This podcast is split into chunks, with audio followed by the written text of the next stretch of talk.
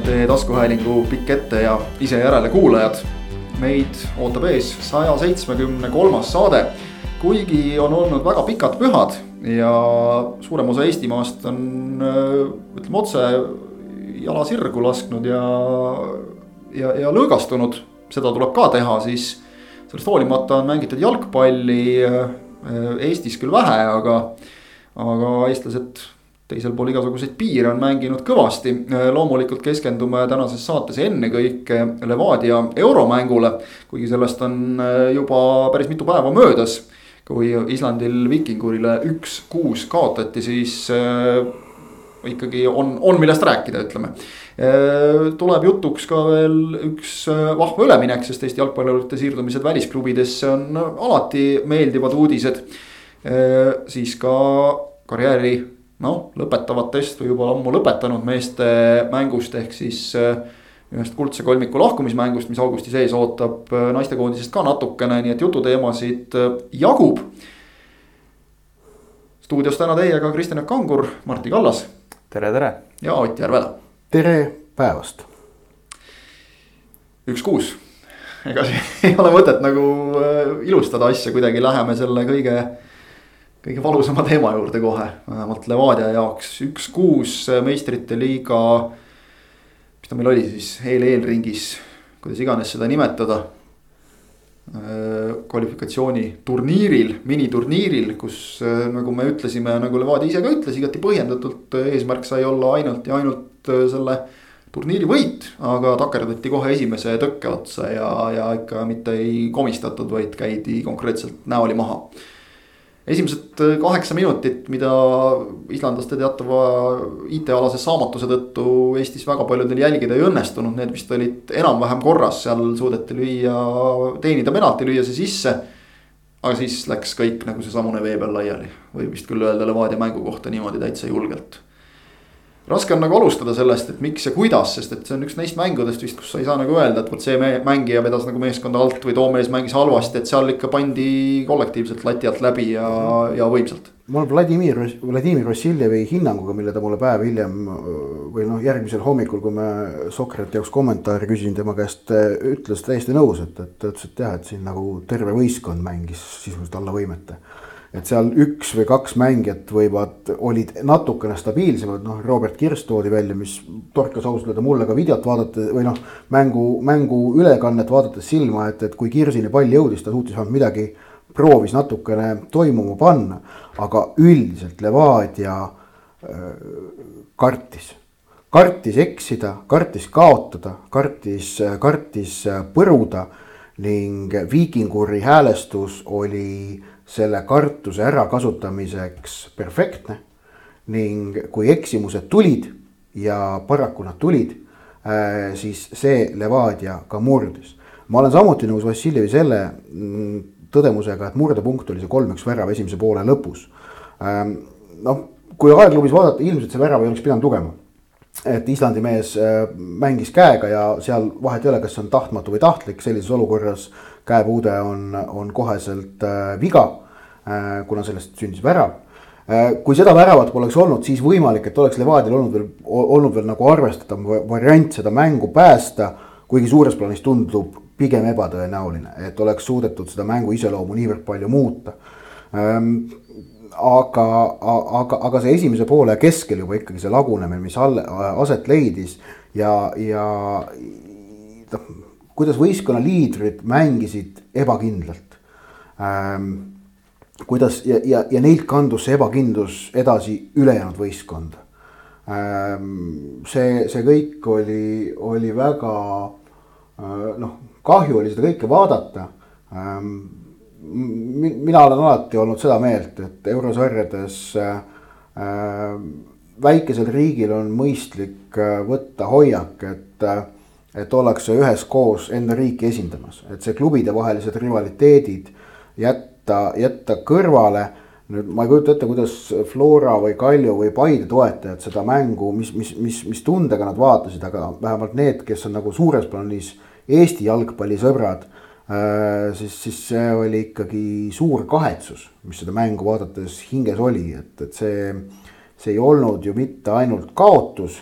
seda ma usun, et, et viikingurile võib kaotada, sellega oldi nagu ette realistlikult arvestatud, et seal ju see ei olnud ju mingi noh, see ei olnud, see ei olnud kohustusliku võidu koht, oleme ausad.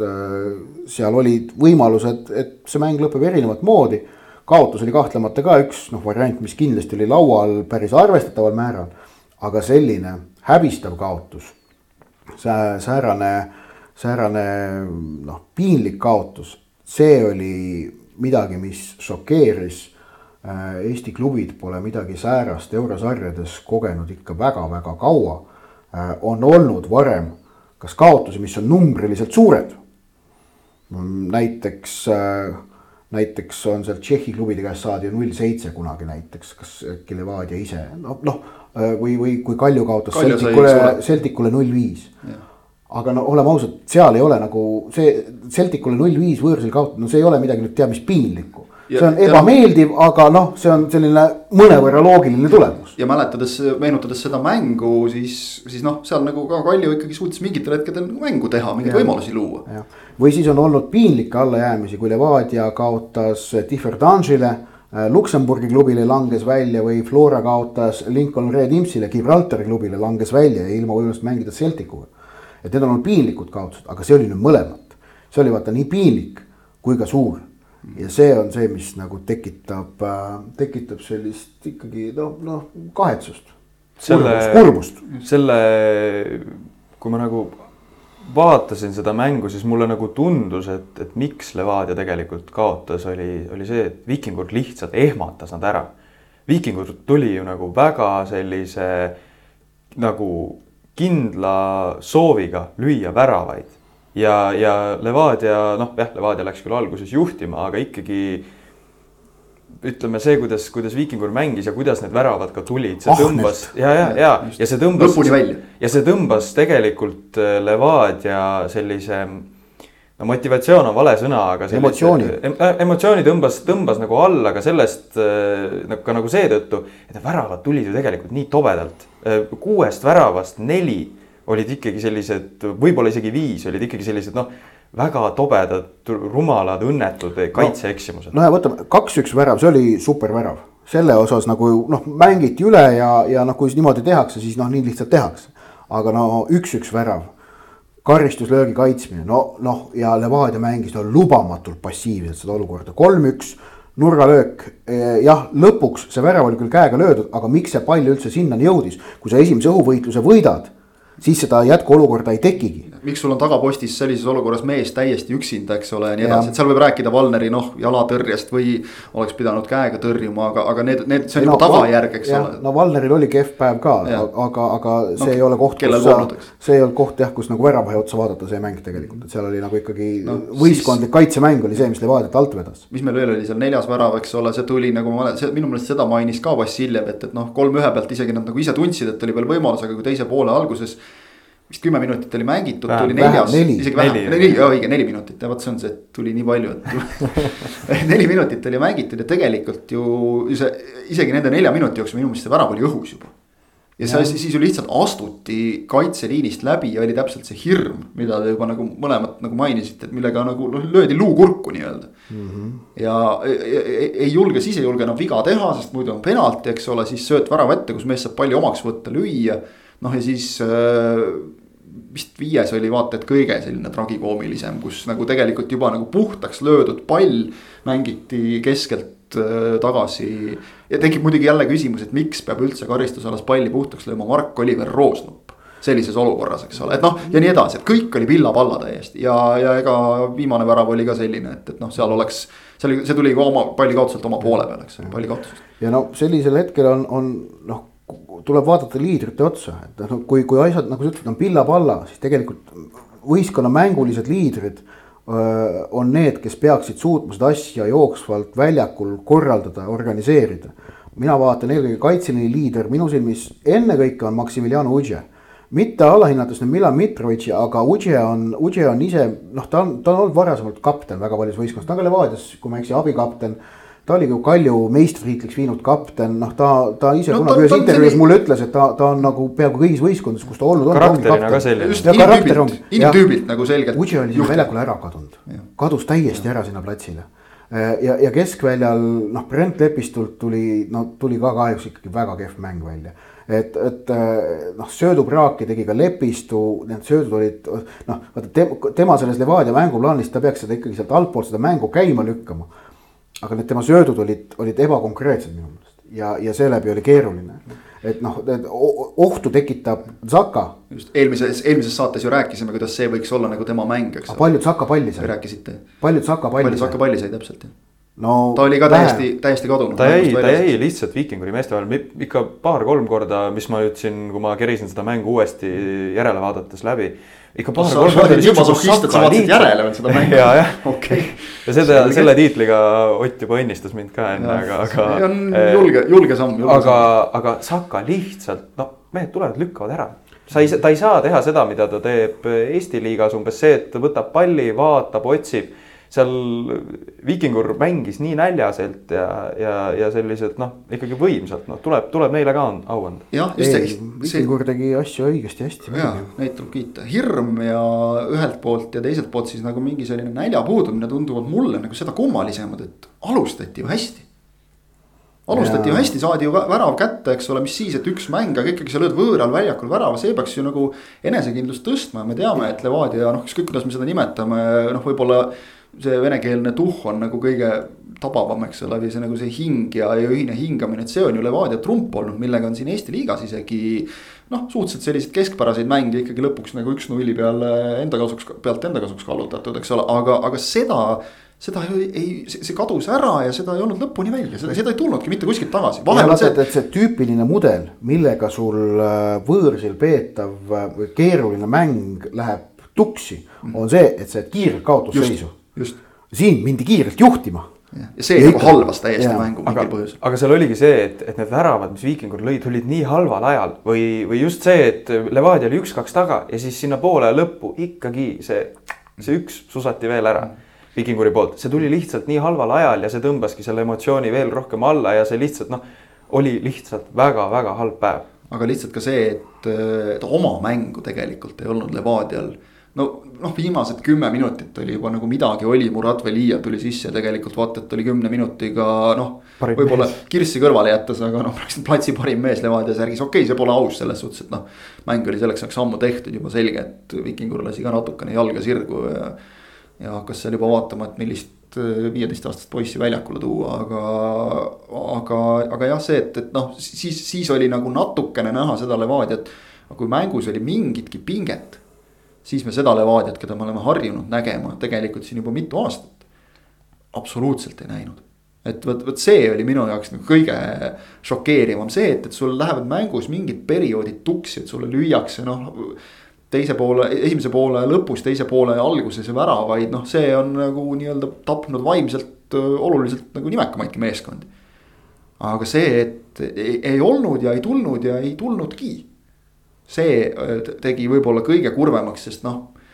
ma, ma ei usu ka, et, et ükski nagu Flora fänn sai nüüd selles mõttes või neil oleks ka nagu õigust hõisata näiteks.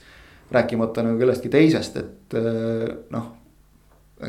Nemad on Eesti meistrid, te ei ole ju. kui kehvad te siis olete, et võib nagu sedapidi ka võtta ju. et Eesti meister esindab ikkagi ja noh, ka tabeli tipus olev meeskond Eesti jalgpalli hetkeseisu, hetkeseisu tippu ja, ja noh. ja see, see on ikkagi valus. jah, ja, ja, ja no meistrite liiga osalus Eesti jalgpalli jaoks sel aastal piirdus siis üheksakümne minutiga. et, et. see pole kunagi. kui oleks Levadia selle turniiri sealt noh, saavutanud selle tulemuse, mille järele mindi, oleks see osalus olnud vähemalt kolmsada kuuskümmend minutit. Ja see on neli korda enam et, et see oli kahtlemata valus pauk Eesti klubi jalgpallile tervikuna. Levadial on nüüd aega muidugi haavu lakkuda, nende eurohooaeg jätkub konverentsiliiga teises eelringis. esimeses eelringis siis Flora ja Paide tulevad äh, järgmisel nädalal, järgmisel nädalal väljakul, aga, aga kah alati üks asi, mis eurosarjade puhul alati huvitab ja, ja teemaks on, on raha. et räägime siis ka Levadia rahalisest seisust äh, ma ei ole leidnud UEFA äh, paberit Äh, alanud eurohooaja kohta ja see, kusjuures aeg-ajalt juhtubki, et nad seda paberit avaldavad natukene takkajärele, kui eurohooaeg on juba alanud. Äh, võttes aluseks eelmise eurohooaja mudelid, summad ja, ja kõik muu sellise. ning üldiselt on UEFA-l kombeks, et ühe selle kolmeaastase eurosarja tsükli jooksul ja eelmise hooajaga algas siis kolme kolmeaastane tsükkel, mis kestab kahekümne neljanda aastani, siis pärast mida tuleb meistrite liiga ja muude eurosarjade reform koos Šveitsi süsteemi ja kõige muuga. et selle kolmeaastase tsükli jooksul seda mudelit eriti ei muudeta. ehk et kui kehtib eelmise aasta mudel, siis Levadia teenistus on järgmine. ja üldse näeb see teenistus välja järgmine, et iga ringi eest, iga eelringi eest, mida äh, klubi mängib, saavad nad sada tuhat eurot ja lisaks saadakse kindlaks määratud väljamakse vastavalt sellele, millises ringis välja langetakse. Äh, Levadia praegusel näitel, äh, minu teada see EL-EL turniir on kõi-, on, läheb kirja ühe ringina, sõltumata sellest, kas sa kaotad poolfinaalis või finaalis. igatahes, ühesõnaga seal Islandil mängimise eest sada tuhat. nüüd konverentsiliiga teises eelringis mängimise eest sada tuhat, kokku kakssada kui nad konverentsiliiga teises eelringis kaotavad, siis tolle hetke väljalangemistasu on kolmsada viiskümmend tuhat, paneme selle juurde, on viissada viiskümmend ning iga riigimeister, kes ei jõua mõnele alagrupi turniirile, äh, saab veel lisaks kakssada kuuskümmend tuhat. Äh, kokku siis oleks kaheksasada kümme tuhat. Äh, minu arvatamist, ma eeldan, et see peaks, tähendab UEFA-s pole kunagi veel juhtunud, auhinnasummad langeksid. et ma usun, et see on summa, mis on Levadiale ka praegu tagatud. nüüd rääkides, kui neil õnnestub konverentsiliiga teises eelringis võita. vastaseks on neil siis Shamrock Rovers, Hibernians ähm,. esimese eelring, meistrite liiga esimese eelringi paari kaotaja. ehk kas Iirimaa klubi või Malta klubi, muuseas mõlemast sai Flores eelmine aasta eurosarjas jagu äh,. selles mõttes huvitav äh, võrdlusmoment tekib kahtlemata Äh, äh, kui Levadia selle matši võidab ja jõuab äh, konverentsiliiga kolmandasse eelringi, siis nende teenistus suureneb vähemalt kolmesaja tuhande võrra. kus siis sada tuhat tuleb juurde ühe ringi eest ja kaks, kahesaja tuhande võrra suureneb see väljalangemistasu. nii et praeguse seisuga minu arvepidamise järgi on Levadial tagatud kaheksasada kümme tuhat eurot. kui nad suudavad seal juuli lõpus võita kas Shamrocki või Hiberniansi, siis peaks olema selleks summaks üks koma üksteist miljonit. siis on see maagiline miljon koos nii-öelda. just, äh, Flora ja Paide summad on siis see, et esimese eelringi osalusega on tagatud sada tuhat, kui seal kaotatakse, on väljalangemistasu on sada viiskümmend tuhat.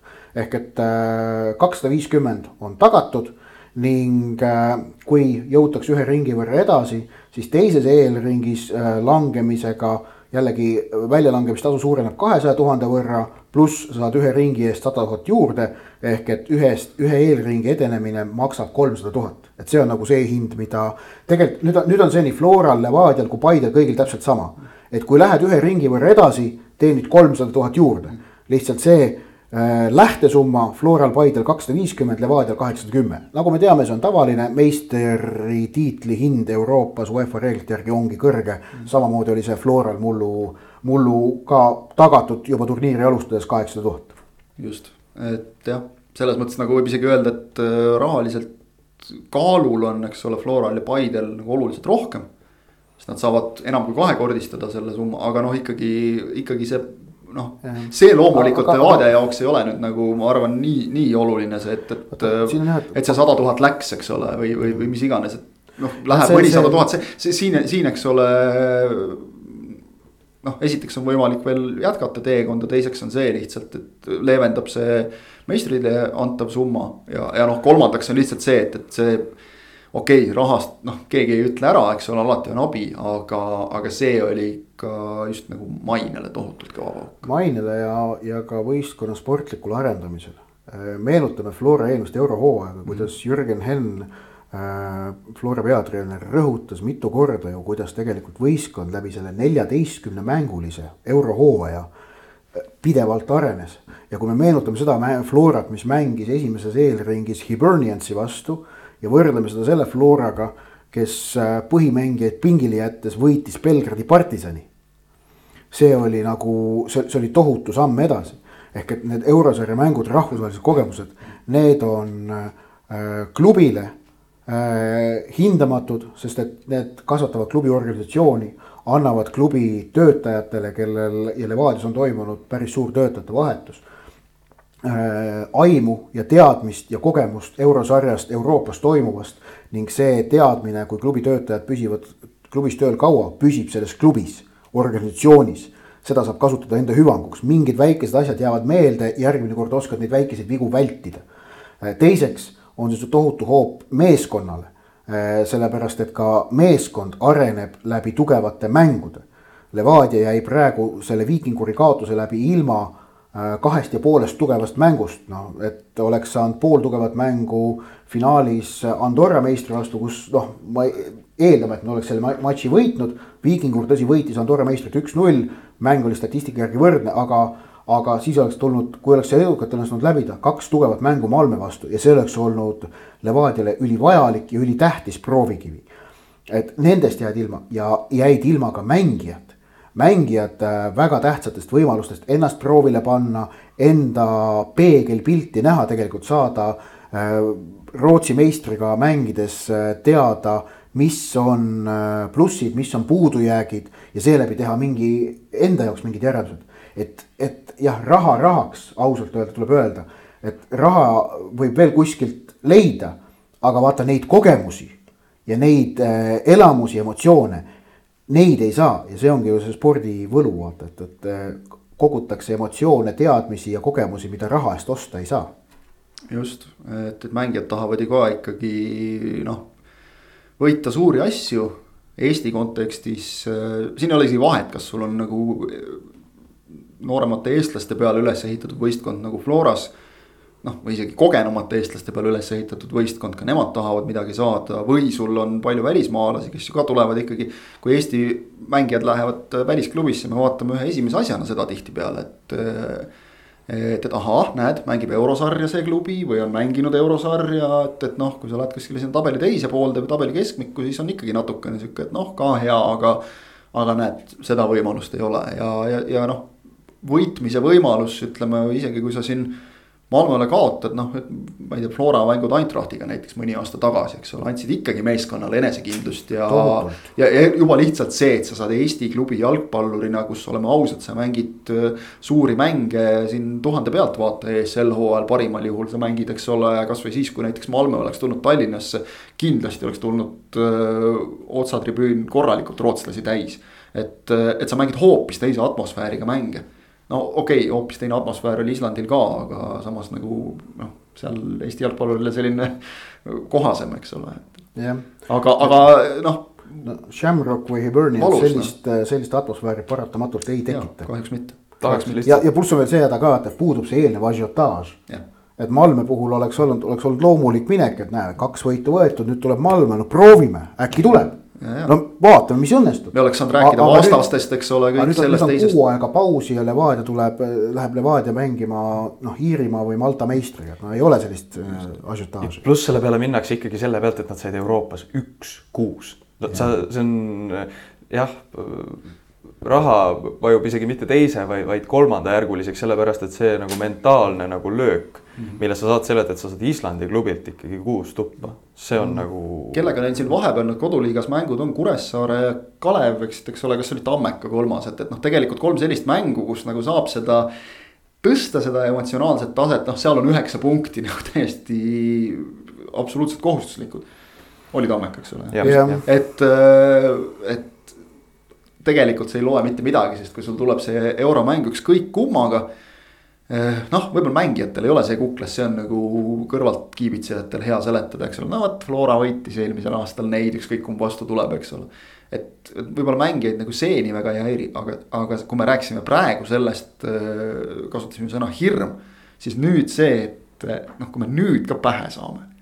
Siis on ikka päris halvasti. siis on ikka päris halvasti nagu praegu on veel see, et, et see süsteem annab, eks ole, võimaluse noh, öelda, et oli tööõnnetus, no shit happens, eks ole. üks kuus on saanud ka kõvemad klubid äh, nagu veel võib-olla ebavõrdsema vastase käest, eks ole mm, -hmm. aga.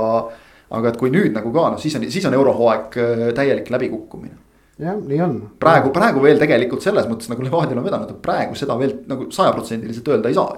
Ja et sa lähed sealt järgmisest eelringist edasi, siis nagu on see noh, ala, palju... alagrupi võid ju jõuda endiselt, siis on kõik hästi. ja, ja no siis on vaja kaks aastat veel alistada. siis, siis saad öelda, et näed, saime kõvasti vastu hambaid, aga tõusime ja võitlesime ja õppisime. ja ütleme, kui siit nüüd ükskõik kumma vastu edasi minnakse siis ma arvan, järgmises ringis nagu nii tohutut pinget ei ole. ja kahtlemata see, see, see, see, see on tõsi, aga, aga jah, eks näis, millises seisus siis võistkond sellele järgmistele mängudele vastu läheb, et siin ju avaneb mõne päeva pärast ka üleminekuaken Eestis ehk et Levadial tekib võimalus võistkonnas koosseisus teha muudatusi. Frank Liivak on lahkunud ja, ja tegelikult me vaatasime ka seda Levadia pinki selles mängus Viikinguriga no,. Polnud eriti teist, ütleks jah. toredad, tublid noored poisid. me oleme harjunud sellega, et aga... Levadia pink on noh, paneb noh, siin eelmise hooaja lõpus ja, ja selle alguses vaatasid, et noh, väga, väga muljetavaldav. Aga praegu enam täitsa sellist seisu ei olnud tõesti. siin oli ju korraks, siin oli korraks selline seis, et kui vaatasid Levadia pinki, siis oli selline tunne, et, et noh, see sats paneb kaks koosseisu Eestis välja, kes võib meistriks tulla. aga praegu on see, noh, Vašjuk on vigastatud, Liivak on äh, klubist äh, lahkunud. Äh, noh, Iljan Tonovi äh, Äh, kuidas öelda, noh staatus paraku selle Levadias viibitud ajaga on, on mõnevõrra kahanenud, et ta ei. no ikka tugevalt ma ütleks. ei ole enam sedavõrd. Äh, ta ei ole see enam. võimas mängija, jah. mees nagu..., mees tuli ju, tuli ju Eestisse tagasi Armeenia meistrina. okei okay,, ta seal ka noh, ei mänginud võib-olla nii palju, kui ta oleks ise tahtnud, aga ta ikkagi mängis seal, ta oli ikkagi seal nagu arvestatavalt rotatsioonis sees, noh okei okay,, Levadia on ka roteerinud korralikult ja, ja Antonov on saanud minuteid, aga, aga tõesti just see, nagu see staatus mm. -hmm. kui ta tuli Eestisse tagasi, siis oli see, et, et noh, paned ise ka pealkirja, et koondises nii ja nii mitu mängu pidanud Antonov tuleb Levadiat tugevdama jah, eelmisel hooajal, eks ole, olid äh, noh, vigastused ja, ja, ja, ja mured, et äh, aga. aga, jah, ja Levadiast lahkusid ka need kaks ukrainlast, kes nad tõid endale, kelle nad endale tõid äh, siin, siin FIFA erireegli alusel. kes tegelikult ju tegid vist, üks tegi kolm ja kas teine viis mängu äkki, et noh mm., ei, ei panustanud nagu väga palju. Mihkel Ainsalu on läinud. just, et, et sellist ähm, seda äh, no jõudu on vähemaks jäänud mm. ja, ja nüüd on eks näis, milliseid lükkeid Levadia tänavu suvel teeb, tuleta meelde, eelmisel suvel tegid nad väga jõulisi lükkeid äh,. toodi ju, toodi ju Uže ähm,. kas Mitrovic tuli ka keset hooaega? jah, ja, ja Pustantšanin äh,. vist oli algusest ei. ei, võis olla ka täitsa suvel. ja no igatahes. ühesõnaga suvel täiendati kõvasti. eelmine suvi kõvasti täiendati ja. ja nüüd on neil selle eurosarja jätkumine on ju alles kakskümmend üks juuli, et sinna on, sinna on päris palju aega ja, ja see on Levadia jaoks nüüd äh, mõttekoht, et mida teha, kuidas teha, milliseid muudatusi teha. samas ja... Levadial on, nagu me rääkisime, Velijev, kes kindlasti vääriks rohkem mänguaega, ilmselt nüüd Liivaka lahkumise järel ta seda ka saab sest et Velijev on ikkagi ennast äh, Tallinna Kaleveridades juba Premiumi liigas tõestanud vahetusmehena, ma arvan, ta, tema roll kasvab. ta ei ole palju minuteid saanud see aasta, aga ta on äh, nüüd, äh, kui ta tuli kas äkki Leegioni vastu, sekkus vahetusest esimest korda, tuli kohe, kohe sahistas nüüd ta.... no okei okay,, seis oli juba, oli juba suur Islandil ja, ja mäng oli tehtud, aga, aga ta näitas, et. see, see on ka koht, eks ole, et, et sa tuled ja, ja kasutad oma need kümme minutit maksimaalselt ära, et Velijev, ütleme noh, koduliiga mängudest räägime räägime. ma ei ole väga veendunud, et, et. et Velijev suudab paigata liivakut, no, no seal on ikkagi, seal on ikkagi. veel mitte. veel, ei, veel, veel mitte, vot nüüd ongi see küsimus, et mis valiku sa teed, kas sa võtad mehe, eks ole, kes äh, võib ühel hetkel hakata põhimõtteliselt liivaku taset välja mängima, ma usun, et Velijev on selleks võimeline. aga, aga teine variant on see, eks ole, et jah, ta ei, olen nõus, et ta ei tee seda ilmselt kohe. kindlasti mitte eurosarja tasemel iseenesest on, eks ole, ka Nikita Vassiljev, et noh, kas need mehed saavad rohkem võimalusi. on, on räägitud siin ka ütleme sellest, et noh, nagu Lilio, eks ole, ei ole ikkagi päris talle asetatud ootusi täitnud, nüüd see on päris kõnekas. Et Lilio, kes pigem oli siin ikkagi alustaja mees, langes nüüd selleks Vikinguri mänguks pingile, alustas Kirss no oleme ausad, pärast Kirsi koondise akent oli, oli neetult keeruline. ja ja, aga no ütleme, see jälle ütleb palju Kirsi kohta, eks ole, aga minu meelest Levadia probleem on selles, et nüüd, kui ei ole ka Liivakut. Äh, kes võis ka iseenesest ründaja koha peal mängida, siis nüüd on sul tegelikult Kirss ja Liliu. Artjom Komlov, kes äh, noh, on kogu aeg nagu lubanud, et vähemalt Eesti liigas võiks, eks ole, anda Kirsile Liliule puhkust, on jälle pildilt kadunud täiesti. ja noh, ütleme see tema sellised, kas vigastused või, või, või mingisugused vormilangused, noh, need on juba nii palju olnud, et ei saa Levadia tema peale ilmselt panustada praegu, kui on soov mängida suurt mängu ka Eestis, ma mõtlen. ja, ja ongi, tegelikult, kui praegu vaatad seda pinki, siis äh, sinu mainitud see järjekordne suvine nagu täienduskuul, see tundub vältimatu, kui, kui on soov ikkagi isegi, isegi kui me ütleme, kui sul on soov kaitsta Eesti meistritiitlit. sest võtad praeguse tuumiku ja kui sealt pika hooaja jooksul ütleme siit-sealt liinist mõned mehed veel vigastada saavad, mis on paratamatu, noh nagu praegu on Vassiuk eemal, siis ongi jama ju. Liivaku loogiline asendaja peaks tegelikult olema Karl Rudolf Õigus, kelle, aga, aga kelle, kelle võimalused on meeskonnas jäänud väga-väga nappideks. Ning, ning ma ei ole kindel, kui, kas, kas need või noh, mis ma ei ole kindel, ma olen veendunud, et jah, et, et õiguse see potentsiaal, mida eelmise hooaja alguses paistis olevat päris kõva. no Levadia ei ole tegelenud sellega, selle avamisega. kas see nii-öelda ta oli juba tegelikult üle-eelmisel hooajal ju õigus ikkagi kerkis äh, lõpufaasis ikkagi suht aktiivselt niimoodi pilti. aga siis pärast seda koondise akent äh, kuidagi. pärast seda õnnetut Valgevene mängu ja, seda punast kaarti, see, see mulle tundus, et vähemalt kõrvalt nagu vaadates tundus, et see lõi tal nagu enesekindluse nii alla. ja Levadia koosseis on nii, oli tol hetkel äh, Just. äärtest nii hästi mehitatud, et sinna lihtsalt noh, ütleme, kui sul on valida, kas sul on ülienesekindel selline terav Ernest Agiri panna sinna või, või õigus, kes on saanud noh mm., siis seal tuleb need valikud teha ja, ja treenerid otsustasid niimoodi lihtsalt ja see on õigusele, ega ta ei olegi sealt august seni välja tulnud. jah, paraku küll. Liivakust rääkides siis ka ikkagi, et nagu meeldiv üllatus, et noh seda nagu, kui, kui me esimese hooga koosseisu nägime, et. ma nii palju ütlen veel enne vahele, et Karl Rudolf õigusel premium liigas põhikoosseisus mänge alates kahe tuhande kahekümne esimese aasta algusest kolm no vot, see vist võtab kogu teema kokku ka. aga jah, kui me Liivaku nime nagu esialgu selles äh, Vikinguri vastu üles antud meeste, üles antud meeste nimekirjast ei leidnud, siis noh, esimene mõte oli, et ah, trennis vigastada saanud või midagi sellist. et ta välja läks, see vist tuli nagu kõigile üllatusena, et vahel on nagu tore, kui on sihuke meeldiv üllatus, muidu meil on tihti see, et, et me haibime kedagi ja loodame, et ta läheb vot sinna, sinna, sinna ja siis ta maandub kuskil tegelikult täitsa korralikus kohas ja kõik on hirmsasti pettunud, et kurat ei olnudki Dortmundi Borussia jälle, eks ole. aga Sligo Rovers ikkagi meeskond, mis mängib, mis on Iiri liigas praegu vist küll viiendal kohal, aga mis mm. mängib ikkagi, mängib Euroopas. tänavu on mänginud ikkagi suhteliselt nagu järjepidevalt Euroopas. ja no väidetavalt siis treeneri nagu Liivak ise ütles, et, et treener on temast olnud väga vaimustuses, teda jälginud pikalt ja nüüd äh, sai, sai siis võimaluse võtta. see vist. Äh, tahaks loota, et ei ole, ei ole lihtsalt selline suusoojaks jutt, vaid, vaid päriselt, kui ikka treener äh,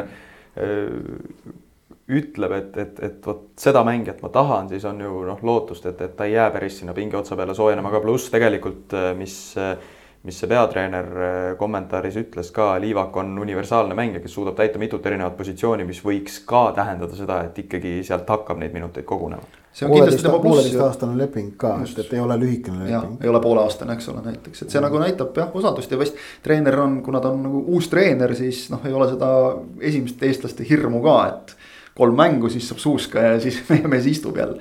aga, aga Liivakul sel hooajal kolm mängu Levadia eest äh, algkoosseisus, et no,, no, et noh. Artur Pika tulek võttis Liivakult koha põhikoosseisus ära tegelikult, sest et, ähm, et Ernest Agiri on selgelt Levadia ääre number üks.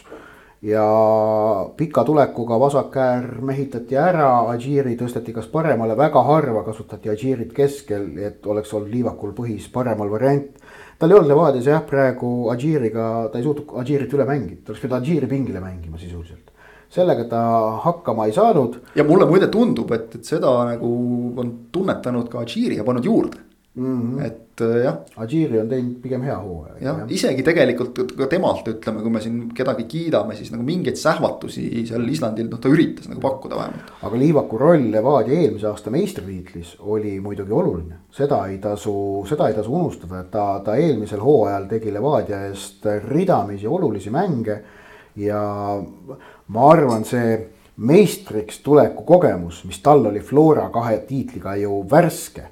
oli Levadia jaoks eelmisel hooajal päris oluline, et nad suutsid selle lõpuni võidukalt viia. aga, aga muuseas selle Liivaku minekuga Sligosse niimoodi, et treener väga tahtis. mul tuleb meelde üks teine üleminek Eesti jalgpalli ajaloost, ka seotud Briti saartega.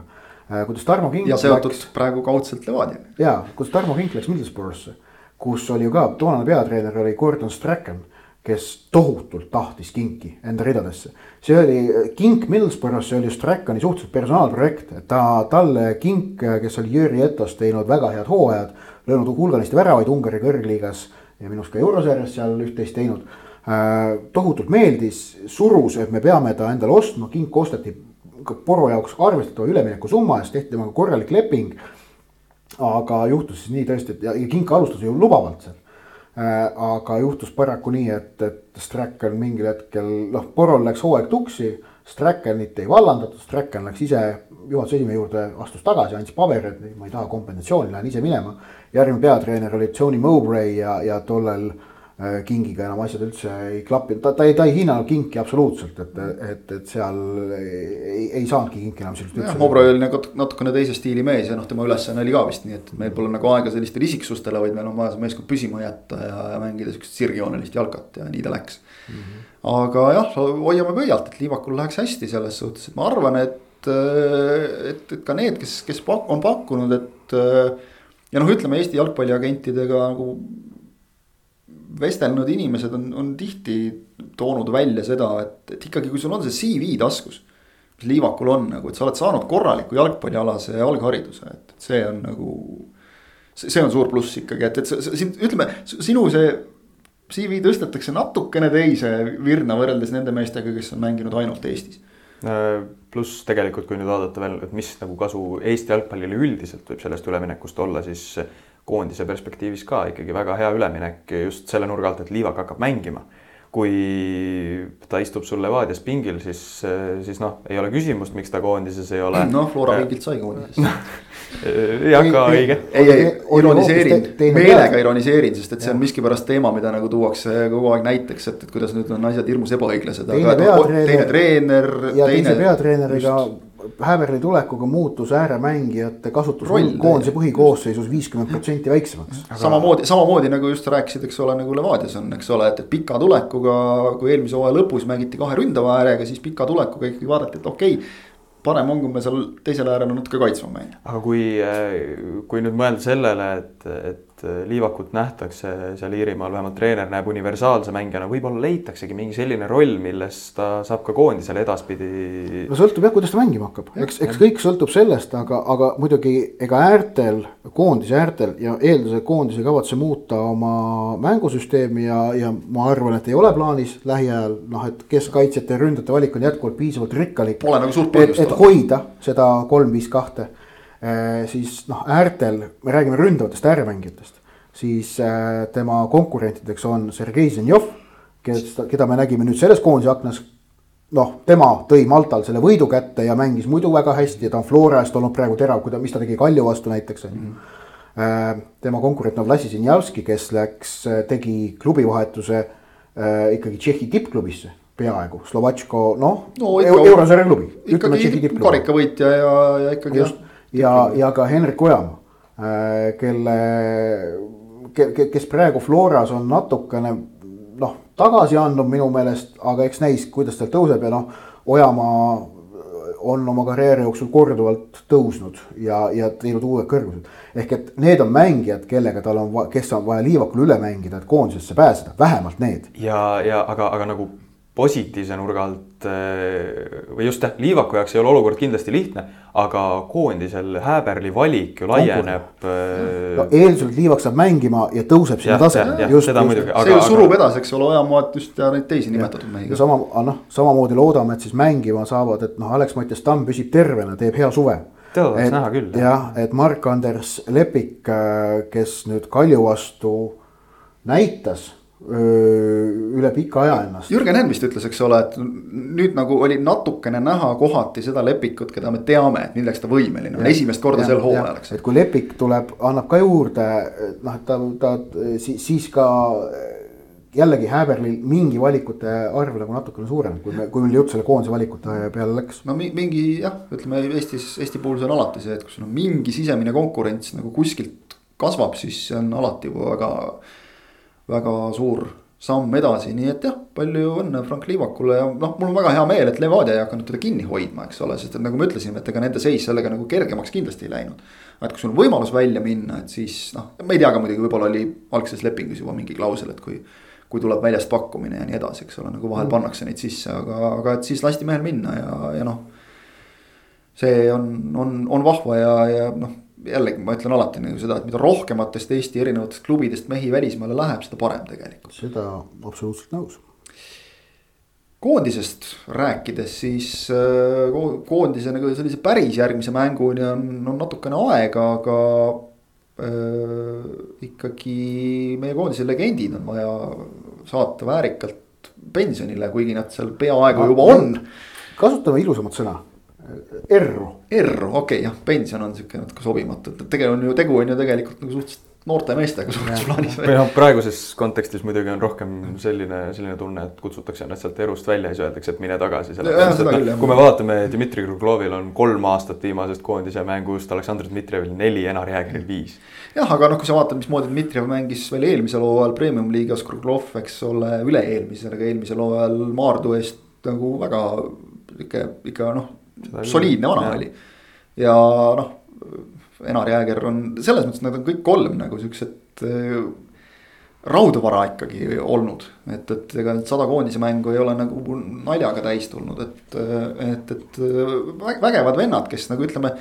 ükski kolmest ei ole tohutu talent.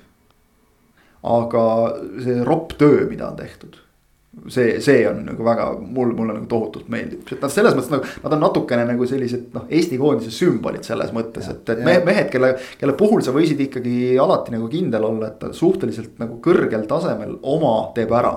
alati jah. et see, see oli, see, see oli äge nende. ja nende kõigi nagu, ma põgusalt meenutan nende kõigi kolme mehe siis ka seda, võiks öelda siis rolli ja, ja teekonda koondises Enar Jäägerist alustades siis äh, Enar Jääger sümboliseerib ju veel seda äh, vana aja äärekaitsjat. ta ju mängis mm -hmm. enamiku oma koondise ajast ikkagi äärekaitse kohal, parema ääre, parema äärekaitsjana ja.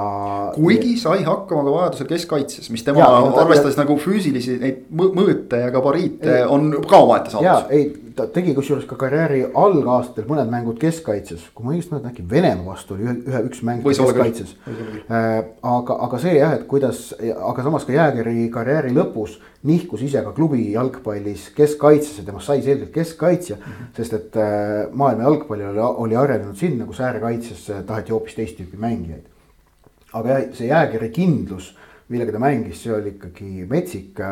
Äh, tõsi, tal jäi ka koondise värav lõpuks löömata, on ju. et oli, oli see asi, äh, siis Dmitrijev, kes, äh, kelle läbilöögimäng oli kodune kaks-üks võit Läti üle kaks tuhat viis. mul on see meeles, sellepärast mina olin toona Eesti Raadios selline õpipoiss, reporter Tiit Karuks ja Indrek Zelenski kommenteerisid mängu. mulle anti ülesanne et, et või noh, tähendab mulle öeldi, et, et noh, et proovi leida endale mingi selline ülesanne, millega saaks ülekannet rikastada. mõtlesin, et võtan selle, et Dmitrijevil, kellel oli äkki esimene koondise mäng tal ei olnud, aga äkki esimene valikmäng põhikoosseisus, midagi sellist. et jälgin tema tegemist ja panen statistikat kirja ja siis hakkasin panema esimesel poolajal ja, ja, ja, ja noh, panin kõik kirja ja andsin lõpuks, andsin vaheajaks paberi Karuksile ja Zelinskile ja noh, siis nagu kõik vaatasid seda niimoodi, mis asja, mis numbrid sealt vastu võetasid. Palli võitmisi mingi kaheksa, vahelt lõikeid mõni, söödu täpsus üks vale sööt esimese poolajaga. mängis keskpoolkaitses Läti vastu, see oli toona väga tähtis mäng Eestile, et see Läti kodus ära võita. Äh, mängis nagu noh, noh suurepärase matši, ma mäletan, Karuks ja Zelinski mõlemad noh kiitsid väga. Äh, teine poolek statistika püsis sama heana. Et see oli tema minu arust läbilöögimäng ja sealt peale ta ikkagi järgmised kuus-seitse aastat põhikoosseisust no mitte mingil moel välja ei langenud. Kui ta olemas oli, terve oli, ta oli mängis ja noh, tema oli see, kelle toel Konstantin Vassiljev tegi need oma säravaimad koondise aastad äh,. sellepärast, et see keskvälja kooslus Dmitrijeviga toimis äh,, see toitis, see, nad, nad, nad mõistsid teineteist väga hästi ja Kosta võis, Kosta võis põhimõtteliselt noh, mitte teha nüüd päris mida ise tahtis, aga võis endale, tal oli väga palju vabadust tänu sellele, et ta teadis, et selja taga on korras. just, just see, see. minu meelest selle, see, see võttis, ma nagu mäletaks, et see võttis natukene aega, enne kui äh, avalikkus hakkas nagu täpselt mõistma, vaat üldse tegelikult võib-olla kaitsvat poolkaitsjat, et see on nagu viimaste ja, aastatega. Dmitrijev õpetas selgeks. on hakatud aru ja, saama ja, sellest, et kui tähtsad need mehed ja, on väljakul. Dmitrijev õpetas kaitsva poolkaitse positsiooni Eesti jalgpalli üldsusele üleüldse selgeks ning äh, minu ja Kristjani endine kolleeg Oliver Lomp pani. Aleksandr, Aleksandr Dmitrijevile hüüdnime, millest noh, oleme ausad, paremat Eesti jalgpallis annab ikka otsida. Lasnamäe Makelele. ja, et see ainuüksi selle jah, sõnapaari Eesti jalgpalli folkloori toomise eest oleks teatav ausammas Dmitrile juba püstitada, rääkimata kõigist teistest tema saavutustest, mõtleme kasvõi seda. noh, ta ju lõpetas karjääri juba tegelikult. ja tuli tagasi ja, tuli tagasi ja mängis jälle noh, ikkagi jalgpalluri jaoks suhteliselt kõrges eas, väga nõudlikul positsioonil. Mängis Eesti liigas nii, nagu ta poleks kunagi ära olnudki. et äh, jah, oli näha, et noh, kiirus, mis ei ole kunagi olnud tema trump, ei peagi olema võib-olla sellel positsioonil tingimata. et, et see, sellest ta oli nagu veel järele andnud, aga, aga väga nagu, väga nagu ikka vahet ei olnud, aga ma, ma küsiks huvi pärast nagu seda, et noh, meil Otiga ja, ja, ikkagi peaks... teataval määral nagu teise põlvkonna esindajana on. peaks Krugloviga ennem ruttu ära rääkima või? ja just mõtlengi, et on Kruglovist nagu ka selline noh resümee on see, et. resümee neist kõigist kolmest on nagu kõva, ma tahaks Marti käest küsida nagu, et, et mismoodi sulle need, need kolm meest nagu, mis, mis sul nagu neile mõeldes silme ette tuleb? kohe, kui me hakkasime rääkima sellest teemast, mul tuli pähe koondise mäng, see oli, see oli valikmäng Bosnia ja Hertsegoviinaga. äkki kaks tuhat seitseteist vist, kui Edin Tšeko vahetati kuskil veidi pärast tunni aja täitumist mängu, ma vaatasin üle kuuskümmend kuus minut ja kümme minutit hiljem vahetati sisse Enar Jääger, kes on temast sihuke soliidne ikkagi, ma julgen pakkuda kümme-viisteist sentimeetrit lühem mees. ja ma mäletan, et ta konkreetselt kattis Tšekot selle ülejäänud veerand tunni vältel ja Tšeko ei saanud mitte midagi teha. no see oli see kodune null kaks jah? üks-kaks. üks-kaks, aa see oli see üks-kaks ja kus lõpus mindi vist ründama ja otsima väravat äkki isegi jah, vist. ja Bosnia oli lõpus ikkagi ühe vastu ära. jah, jah, jah, jah, Antonov lõi viigi värava. ja, ja, ja siis Rein otsustas, et, et noh, kuule tabeliseis oli suhteliselt, et, et, et lähme proovime võitu ja, saada just. ja noh, okei okay,, ei tulnud, aga toona ma mäletan, keegi ei heitnud ette ka mm.. aga Kruglovi osas, et, et ma tuleks ka ühe Martin Reimi kui Martin Reim oli koondise peatreener sel järel tagasi, et Reimi kutsus Kruglovi kogu aeg koondisesse ja, ja põhjendas nii, et aga nii head vasakut jalga Eestis mitte kellelgi teisel ei ole, kes niivõrd hästi tsenderdusi annaks vasakut. meest, kes ei, meest, kes ei vajanud äh, aastaid ja tegelikult tundub nagu, et ja, ja et kui noh. trenn, tee trenni ja siis see tuleb, et, et nagu ta, ta on ise ka öelnud ju, et, et ta ei, et ega ma ei pea ennast mingiks eriliseks talendiks, et ikka raske tööga tuli kõik aga ometigi ka juba karjääri lõpetavale Kruglovile ei olnud vastast selles osas, et mehed, kes ei vaja tõeliselt kvaliteetse ja stabiilselt kvaliteetse tsenderduse andmiseks ettevalmistavat puudete äärel. et see ja, ja, ja no ikkagi ärme unustame seda, et Kruglov jõudis välja Moskva lokomotiivi. ja sai seal ikka, ta ei olnud seal nagu, ta kuulus sinna nimekirja, ta sai seal ikka peale ka. ja, ja üsna noore mehena. see, see on ikka kõva sõna. see on ikka kõva sõna ja, ja noh see, see oli aeg, eks ole, kui Eestist üldse nagu Vene liigasse mindi nagu headesse klubidesse ja. ja tehti seal mängu ka, nii et, et äh, mõnes mõttes nagu jah, kuldaeg, aga, aga just see, et, et. okei okay,, Jäägril siin hakkas karjääri lõpus vigastus natukene segama, ta oleks muidu veel võinud ilmselt mõned aastad äh, mängida, et ta oli ka nagu selline, kunagi oli Manchester Unitedis Gary Neville, kelle kohta öeldi alati, et kui kaugel tal no, naasmine on. no kaks nädalat, Floras oli Jääger mingil ajal, ma mäletan see mees, et ei no varsti ja siis tuli jälle mingi väike tagasilöök. aga, aga, aga äge kolmik, äge kolmik, aga lähme natukene nüüd selle juurde, et äh, lahkumismängu olemus. Selgelt üheksateistkümnendal augustil see toimub, aga et see on nüüd muutunud, aga mulle tundub, et see on natukene selline koht, et ei ole nagu mõtet nutta ega nuriseda, sest et rahvusvaheline jalgpallikalender on viimastel aastatel nii palju muutunud, et sellist traditsioonilist lahkumismängu anda meestele, nagu me oleme harjunud sajamängumeeste puhul, ongi väga raske. kas ähm viimased lahkumismängud olid, kui ma õigesti mäletan, Piiroja ja ooper. Piiroja oli viimane minu meelest. Piiroja. kas Või. Lindpere ei olnud hiljem? või oli Lindpere hiljem? Piiroja, ooper, Lindpere. ühesõnaga see kolmik. Nad kõik olid Pärssoni ajal on ju Lindberg oli kaks tuhat kuusteist, kui ma õigesti. Pärson oli veel jah, ja aga. ma mäletan, et Piirojaga oli veel see, et, et pärast Pärssoniga nuriseti, et.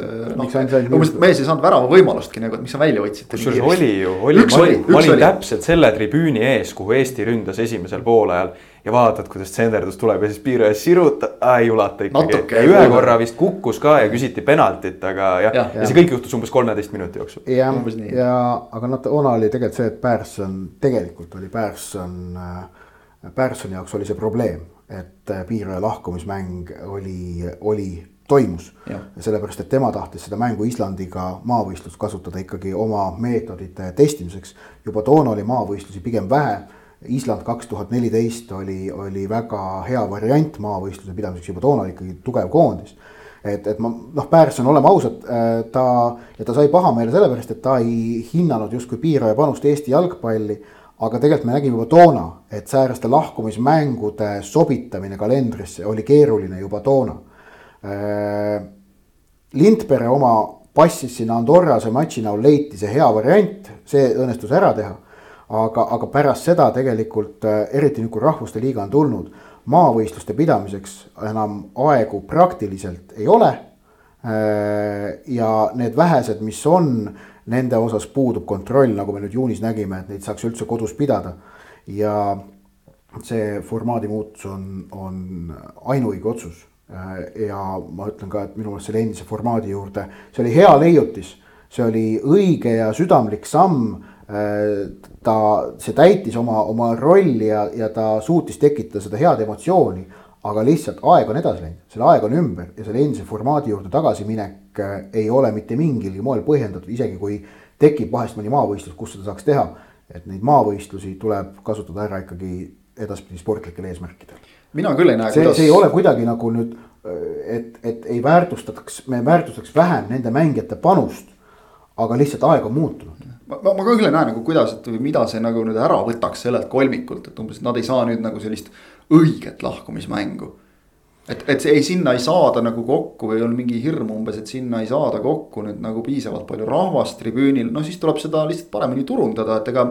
ma nüüd ei kujuta ette, et nagu noh või kas näiteks Mart Poomi lahkumise või ooperi lahkumise puhul oli nüüd nagu niivõrd oluline, kellega see mäng on või, või no, on ta nüüd maavõistlus või mis asi ta on, eks. jah, no Poom mängis Portugali vastu viimase, see oli kõva no,. ja Poom see mängis nii, et eh, umbes miks sa ära lõpetad ta tegi ja. sellist mängu seal.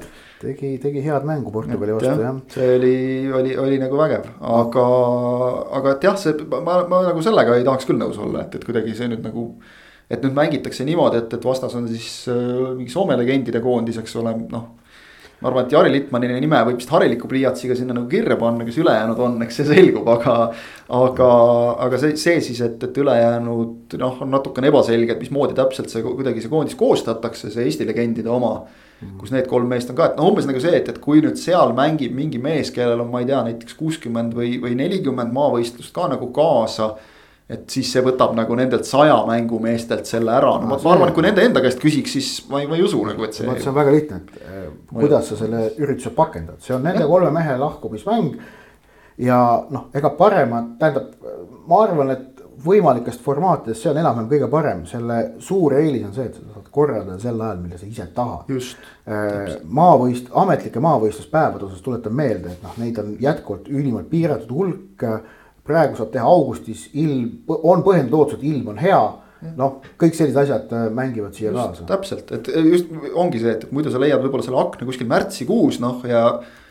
praegu saad teha suvel, eks ole, müü see üritus korralikult maha ja, ja ma ütleks selle kohta, et noh. okei okay,, et vana traditsioon oli ka hea, aga alustame uut siis. mis meil tuleb siin ju peale, meil on ju praegu noh, kohe-kohe saab Sergei Zenjovil sada täis noh, Ragnar Klavan hakkab varsti, eks ole, karjääri lõpetama, Kostja Vassiljev ilmselt ikka päris ka viiekümnenda eluaastani ei pane, et vahel küll tekib teatud kahtlusi, aga. aga, aga et noh, temal ilmselt lähiaastatel, eks ole, sees, et noh, miks mitte võtta siis nagu kokku niimoodi, noh. selge on see, et, et meil neid nagu liiga palju niikuinii tulema ei hakka järjest mm.. et tegelikult praegu nagu vaatad, kui seal on selliseid noh, ütleme seitsmekümne, kaheksakümne mängu mehi, et, et. Neid on. järgmine on vist, eks ole, Tartu paar praegune siis Tammeka paar Puri tennist, eks ole, et, et kellel. Karol Metsal on. Karol Metsal on märkamatult kaheksakümmend mängu. mis täis no päris märkamatult ei saa öelda. kas sa Martti tead, mis, millist. mina mäletan esimest mängu, kui Karol Mets mängis Eesti. okei okay,, aga mõtle, kas sa tead, millise legendaarse spordiväljendi sa praegu kogemata suhu võtsid, ma eeldan kogemata. pigem küll. märga, märkamatult on Valdis Valteris kogunud kolmkümmend punkti see oli legendaarne korvpallireportaažide äh, ütlus kaheksakümnendatest. no ütleme siis minu jaoks märkamatult. ja, ja ei noh, ongi, et, et noh, Karol Metsa puhul kaitse puhul võib öelda, et hea, kui märkamatult. aga jah, see aga teeme uue traditsiooni lihtsalt ja ma ei, ma ei näe nagu küll probleemi, eks ole, ja noh, siin jah, selle asja valguses võib veel öelda, et kui me traditsioonidest räägime, et, et tõesti Balti turniir ka on natukene küsimärgi all. Nojah, see tänavu ta toimub äh,, aga ka see rahvusvahelise jalgpallikalendri tihenemine mm, toimub pärast kahekümne neljandat aastat, kui praegune kalender lõpeb.